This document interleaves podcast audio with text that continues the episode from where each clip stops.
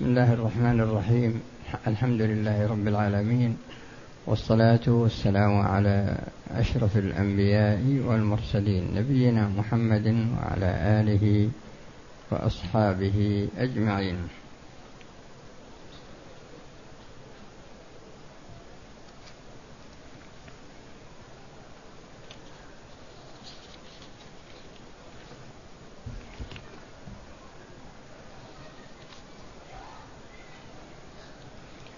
الدرس الماضي وقفنا على القاعدة الرابعة والعشرين من قواعد ابن رجب. هذه ويكون مبدأ درس هذا اليوم هو من هذه القاعدة. نص هذه القاعدة من تعلق بماله. حق واجب عليه. فبادر إلى نقل الملك عنه صح. ثم إن كان هذا ثم إن كان الحق متعلقا بالمال نفسه لم يسقط وإن كان متعلقا بمالكه لمعنى زال بانتقاله عنه سقط. وإن كان لا يزول بانتقاله لم يسقط على الأصح.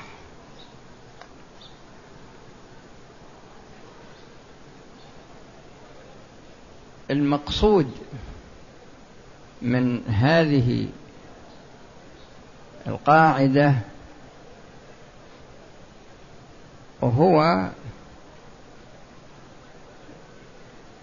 أن الشخص يكون عنده ما هو ملك له ملك شرعي. يعني يكون دخل عليه بسبب شرعي سواء دخل مثلا بإرث أو بشراء أو غير ذلك. هذا الشخص حصل عنده رغبة في نقل هذا الملك. فمثلا باع هذا الملك. باع هذا الملك هذا مثال فقط. لكن هذا المال المملوك له متعلق به حق لغيره متعلق به حق لغيره. هذا الحق الذي لغيره عندما ينقل ملكه عنه هل يسقط هذا الحق أو لا يسقط؟ هل يسقط هذا الحق أو لا يسقط؟ وهل يصح التصرف أو لا يصح؟ فعندنا مسألتان. مسألة صحة التصرف ومسألة سقوط الحق. مسألة صحة التصرف. ومسألة سقوط هذا الحق. هذه القاعدة هي موضوعة لجملة من الفروع في الفقه.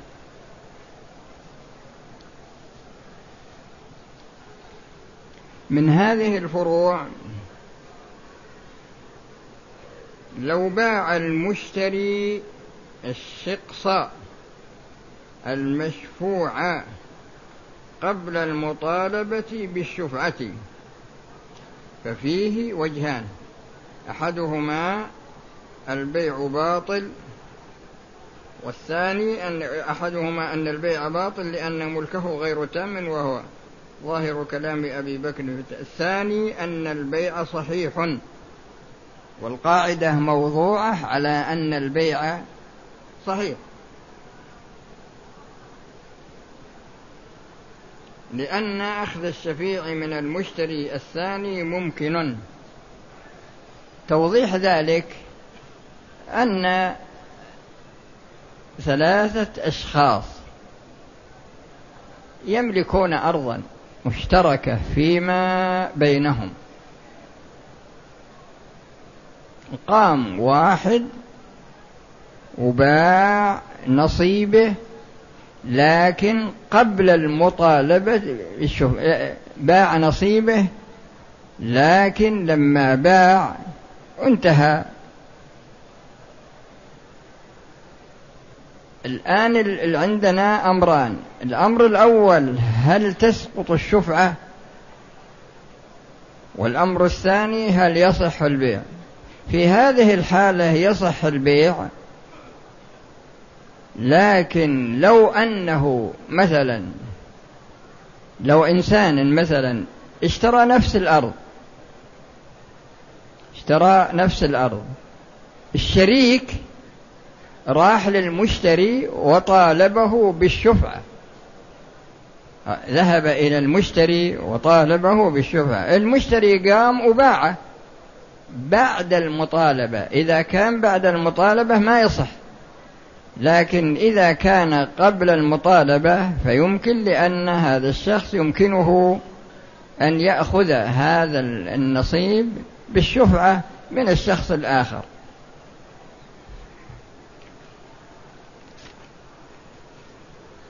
ومنها لو مال جداره إلى ملك غيره فباعه. يعني باع البيت والجدار مايل يخشى من سقوطه. فمن ناحية البيع صحيح لكن الثاني مكلف بأن يزيل هذا الضرر. ولو أن ومن الفروع أيضا لو باع الوارث التركة مع استغراقها بالدين يعني أن الميت مدين مثلا بمئة ألف والتركة تساوي مئة ألف أرض مثلا. الورثة قاموا وباعوها لكن هل نقول إن البيع صحيح؟ ننظر. هل الورثة يلتزمون بالدين ويسلمونه للمدينين؟ ننظر فإذا كان في إمكانهم إذا تحملوا الدين وقبل أصحاب الديون. لأن قد يتحمل الدين وهو فقير ما يستطيع أبدا. فلا بد من مراعاة صاحب الحق. فينظر فإذا كان يمكن آه، تسديد الدين نقول صح البيع. وإذا ما أمكن نقول إن البيع ليس بصحيح. وهكذا لو باع المال الذي عنده وقد وجبت فيه الزكاة. ننظر هل يستطيع أن يؤدي الزكاة أو لا يستطيع. فإذا كان عنده مال يستطيع أنه يدفع منه الزكاة نقول إن البيع صحيح في مقدار الزكاة. وإذا كان لا يتمكن من البيع من تسديد الزكاة ما عنده مال أبد نقول إن البيع لا يصح في مقدار الزكاة. نقول إن البيع لا يصح في مقدار الزكاة. القاعدة التي بعدها القاعدة الخامسة والعشرون نصها من ثبت له ملك عين ببينة أو إقرار فهل يتبعها أو فهل يتبعها؟ ما يتصل بها أو تولد منها أم لا؟ في المسألة خلاف ولها صور. المقصود من هذا الكلام أو من هذه القاعدة هو أن شخصا يدعي على شخص بأن عند هذا الشخص مال له. وثبت البينة ثبت بالبينة أن هذا المال له. هذا المال جلس عند المدعى عليه مثلا أربع سنوات خمس سنوات. وجدنا أن هذا المال مثمر. مثلا غنم جاءت بأولاد بقر جاءت بأولاد إبل جاءت بأولاد.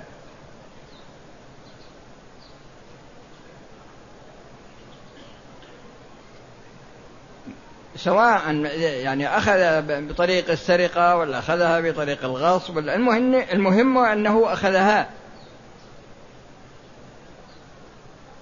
هذا الشيء المتولد عندما ثبت بالبينة أن هذه الإبل أو البقر أو الغنم مثلا أنها حق الله هل أولادها يتبعونها أم أن أولادها يأخذها الغاصب أو يأخذها السارق؟ لا أولادها تابعة لها أولادها تابعة لها. وذكر من فروع هذه القاعدة لو ثبت له ملك أرض. ملك أرض ثبتت في المحكمة مثلا لكن هذه الأرض فيها أشجار. الأشجار هذه برتقال تفاح إلى غير ذلك وهي مثمرة. هل هذه الأشجار تكون تابعة لها أم أم أنها لا تكون تابعة؟ بناء على هذه القاعدة فإنها تكون تابعة لها. وهكذا تقرؤون بقية الأمثلة لأن الغرض هو توقيح توضيح القاعدة بمثال أو مثالين. القاعدة التي بعدها وهي القاعدة السادسة والعشرون نصها من أتلف شيئا لدفع أذاه لم يضمنه. من أتلف شيئا لدفع أذاه لم يضمنه. وإن أتلفه لدفع أذاه به ضمنه. المقصود من هذه القاعدة أن الشخص يتسبب في إتلاف مال. أتلف بعير أتلف بقرة أتلف مثلا فرد من أفراد الغنم. أتلف فلوس. مثلا لا الفلوس ما تدخل في الموضوع هذا لكن تدخل من جانب ولا تدخل من جانب آخر. لو صال بعير على رجل ولم يعني تهبده ولا يمكن إنه يتخلص منه إلا بقتله. صال شخص على شخص. يريد قتله ولا يتمكن من التخلص منه إلا بقتله. هذا دافع عن نفسه فلا يضمن ما يضمن قيمة البعير ولا يضمن القصاص. ما ولا يضمن لا قصاص ولا دية لأنه مدافع عن نفسه. فهذا الشخص قتل البعير مثلا لدفع أذى البعير. فإذا كان لدفع أذاه فإنه لا يكون ضامنا. لكن لو كان في البرية وخلص الطعام ما عنده طعام ووجد غنمه ولا بقرة ولا بعير وذبحه من أجل أن يأكل من لحمه. ذبحه من أجل أن يأكل من لحمه. في في يعني في حاجته. في هذه الحال يكون ضامنا لأنه لم يدفع أذى الغنمة أو البعير أو البقرة وإنما دفع الأذى عن نفسه بلحمها. وإنما دفع الأذى بنفسه عن لحمها. وهكذا لو أتلف نقودا يعني اشترى ما يعني في في برية ووجد الفلوس واشترى بها طعاما لأنه لا يملك إلا هذه الفلوس ويخشى على نفسه من الموت. فاشترى بهذه الفلوس وأكلها أكل.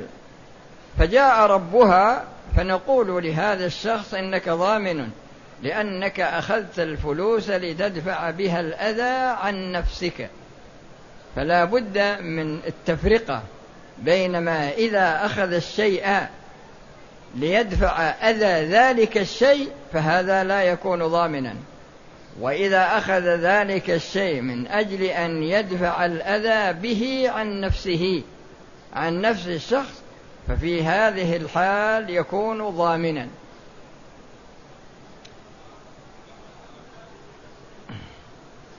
منها يقول لو صال عليه حيوان آدمي أو بهيمة فدفعه عن نفسه بالقتل لم يضمنه. وهذا ولو قتل حيوانا لغيره في مخمصة ليحيي به نفسه ضمنه.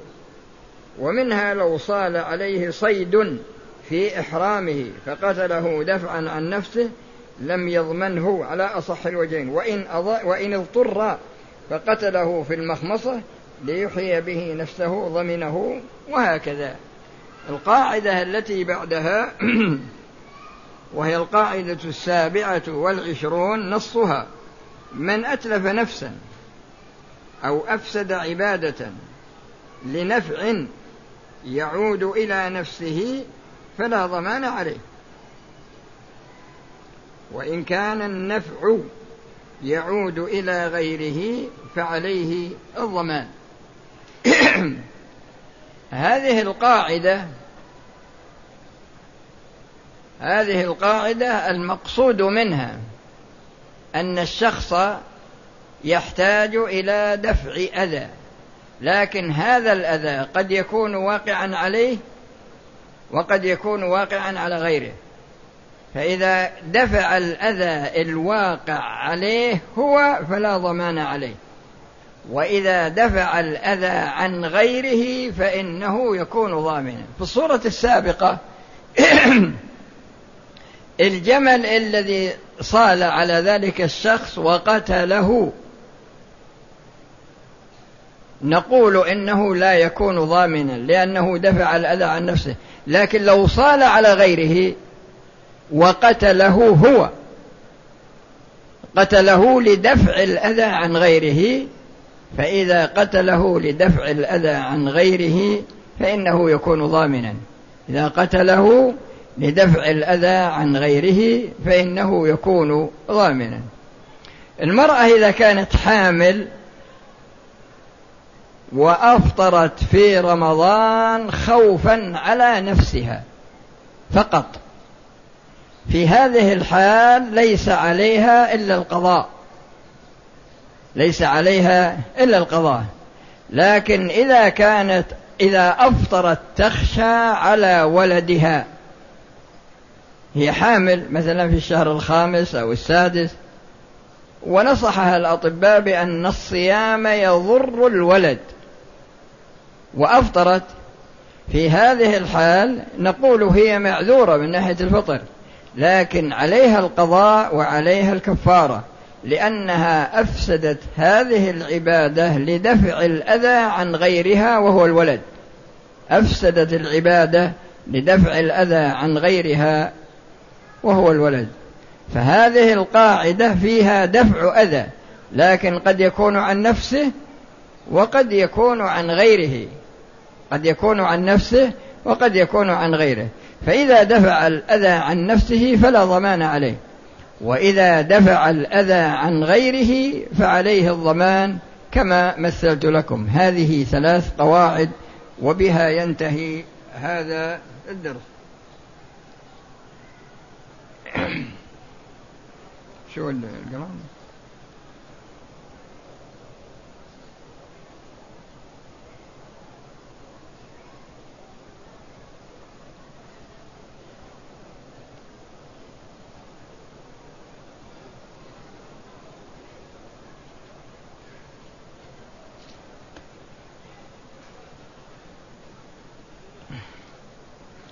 الدرس الذي بعده في قواعد الأحكام للعز بن عبد السلام.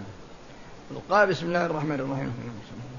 القاعدة التي عندنا هي قاعدة في الحث على جلب المصالح ودرء المفاسد. الحث على جلب المصالح ودرء المفاسد. المقصود من هذه القاعدة هو بيان منهج القرآن ومنهج السنة في سعي الإنسان إلى ما ينفعه وابتعاده عما يضره. منهج القرآن ومنهج السنة في بيان ما يتبعه الإنسان للنفع وما يتجنبه من أجل الضرر. وان شئت أن تقول الضرر أو المفسدة أو تقول في الأول لجلب مصلحته لجلب المصلحة لنفسه ودرء المفسده عنه. الأمر في هذا واسع من ناحية التعبير.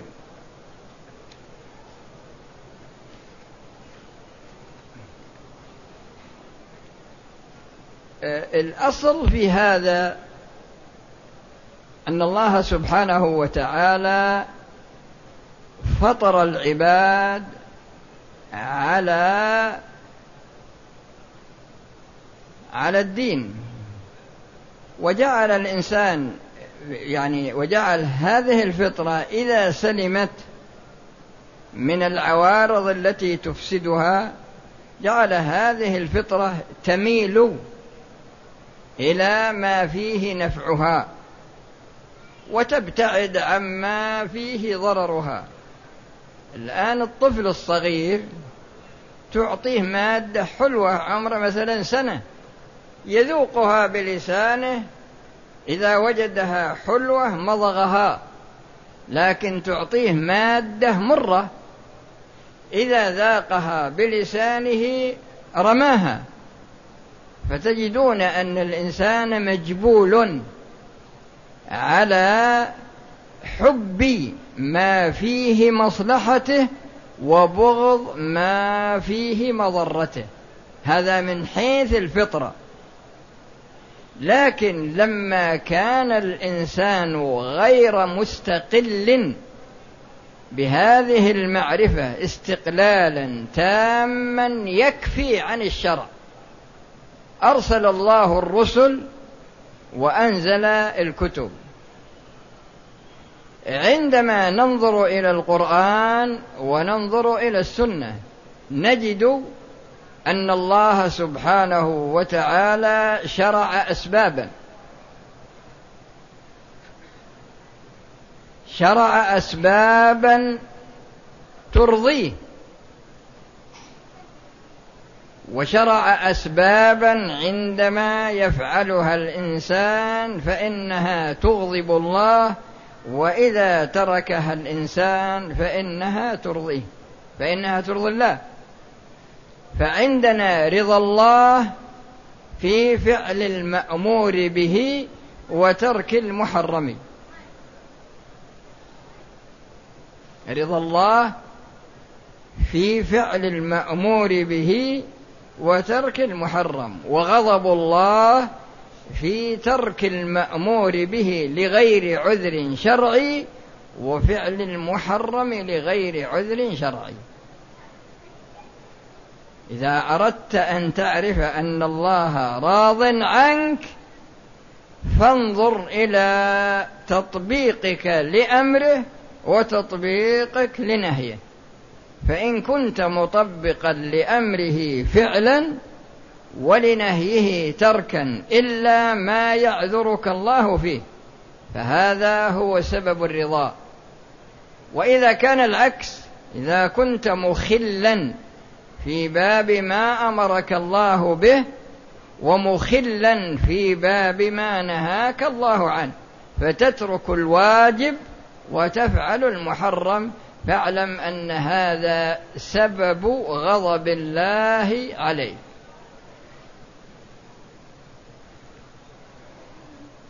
هذا جانب. الجانب الوجه الثاني أن الله جل وعلا رتب على فعل المأمورات وعلى ترك المنهيات رتب على ذلك الجزاء وهو الجنة. موجود في القرآن. يعني منهج ثابت.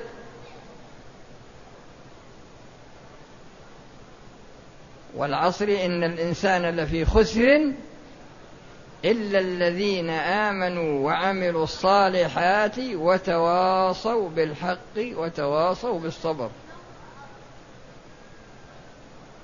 إن المسلمين والمسلمات والمؤمنين والمؤمنات والقانتين والقانتات والص... إلى آخره إلى أن قال عد الله لهم مغفرة وأجرا عظيما.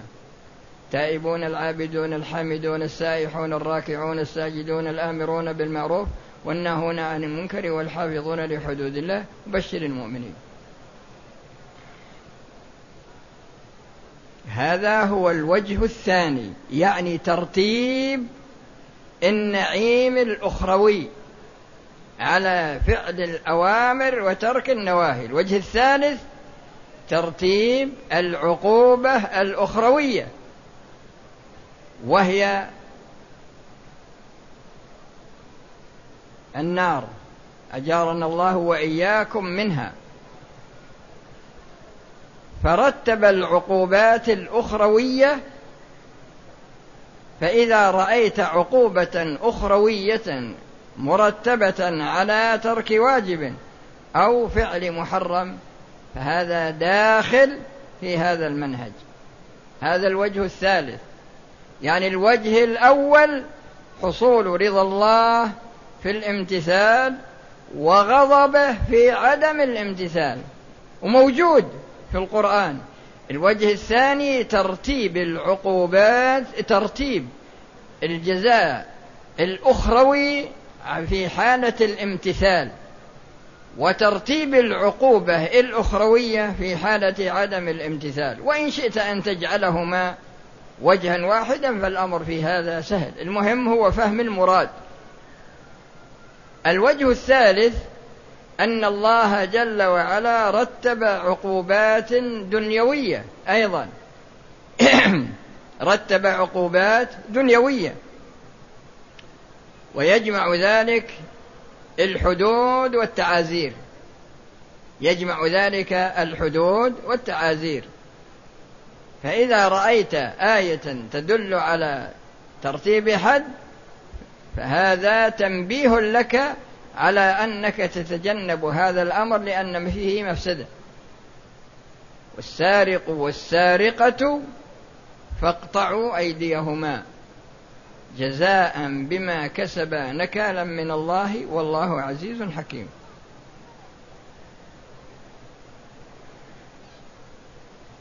يا أيها الذين آمنوا كتب عليكم القصاص في القتلى الحر بالحر والعبد بالعبد إلى آخره. وفي آية ولكم في القصاص حياة يا أولي الألباب. والآية الأخرى وما كان لمؤمن أن يقتل مؤمنا إلا خطأ. ومن قتل مؤمنا خطأ فتحرير رقبة إلى أن قال ومن يقتل مؤمنا متعمدا فجزاؤه جهنم لأن قتل العمد يتعلق به ثلاثة حقوق حق لله وحق للمقتول وحق لأولياء المقتول. فحق المقتول باق إلى يوم القيامة وحق الله قابل للمغفرة وحق الأولياء إن طلبوا القصاص فهذا إليهم وإن طلبوا دية فهذا إليهم وإن عفوا فهذا إليهم. لكن المقتول حقه باق وسيقتص من القاتل يوم القيامة. لأن الله إذا جمع الأولين والآخرين يقتص من بعضهم لبعض في حقوقهم. الذرة يجعلها تقتص من الذرة والنملة من النملة والبقرة من البقرة والغنم من الغنم إلى آخره. وعند ذلك يقول لها كوني ترابا. فيقول الكافر عند ذلك يا ليتني كنت ترابا. المقصود هو أن هذه القاعدة تقرر منهج القرآن في بيان المصالح وفي القرآن والسنة في بيان المصالح والمفاسد. فعلى على ما ذكرت لكم الوجه الأول أن باب المصالح هو ما يرضي الله وأن باب المفاسد ما يغضب الله. فإذا وجدت شيئا فيه رضا الله أو فيه غضب الله فهذا يتعلق بهذا الوجه. الثاني أن الله سبحانه وتعالى أجرى قاعدة وهي أن المصالح أن المصالح تتحقق في ترك الأوامر أن المصالح تتحقق في فعل الأوامر وفي ترك النواهي وأن المفاسد تتحقق في ترك الأوامر وفي فعل النواهي. الوجه الثالث أن الله رتب جزاء أخرويا على امتثال الأوامر وتجنب النواهي رتب